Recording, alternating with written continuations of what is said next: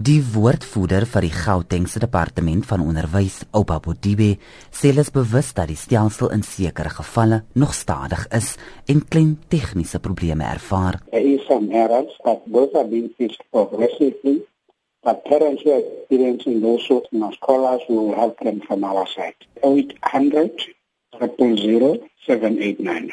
Sommige ouers is bekommerd dat hulle kinders nie plek gaan kry by Gautengse skole nie as hulle nie dadelik aansoek doen nie, maar Bodibe sê daar is genoeg tyd om aansoek te doen. Parents said to allow parents to not panic. We must relate the first come first serve basis and we have a department to work on a system that will then allow the learners to be allocated.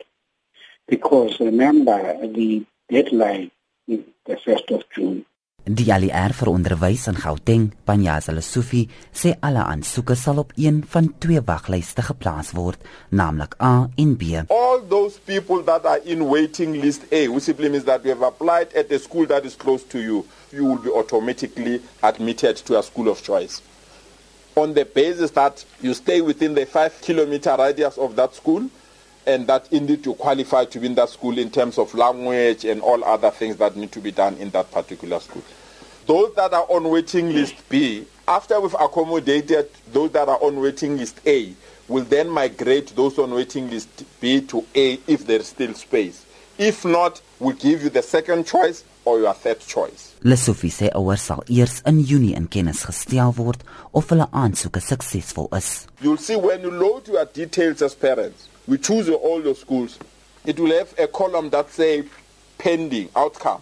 Where we confirm you, we'll confirm you between the 24th of June until the 25th of July. That pending will convert into successful or if we have taken the second choice, it will then confirm the second choice or the third choice. Lesofie sê geen papiergebaseerde aansoeke sal aanvaar word nie.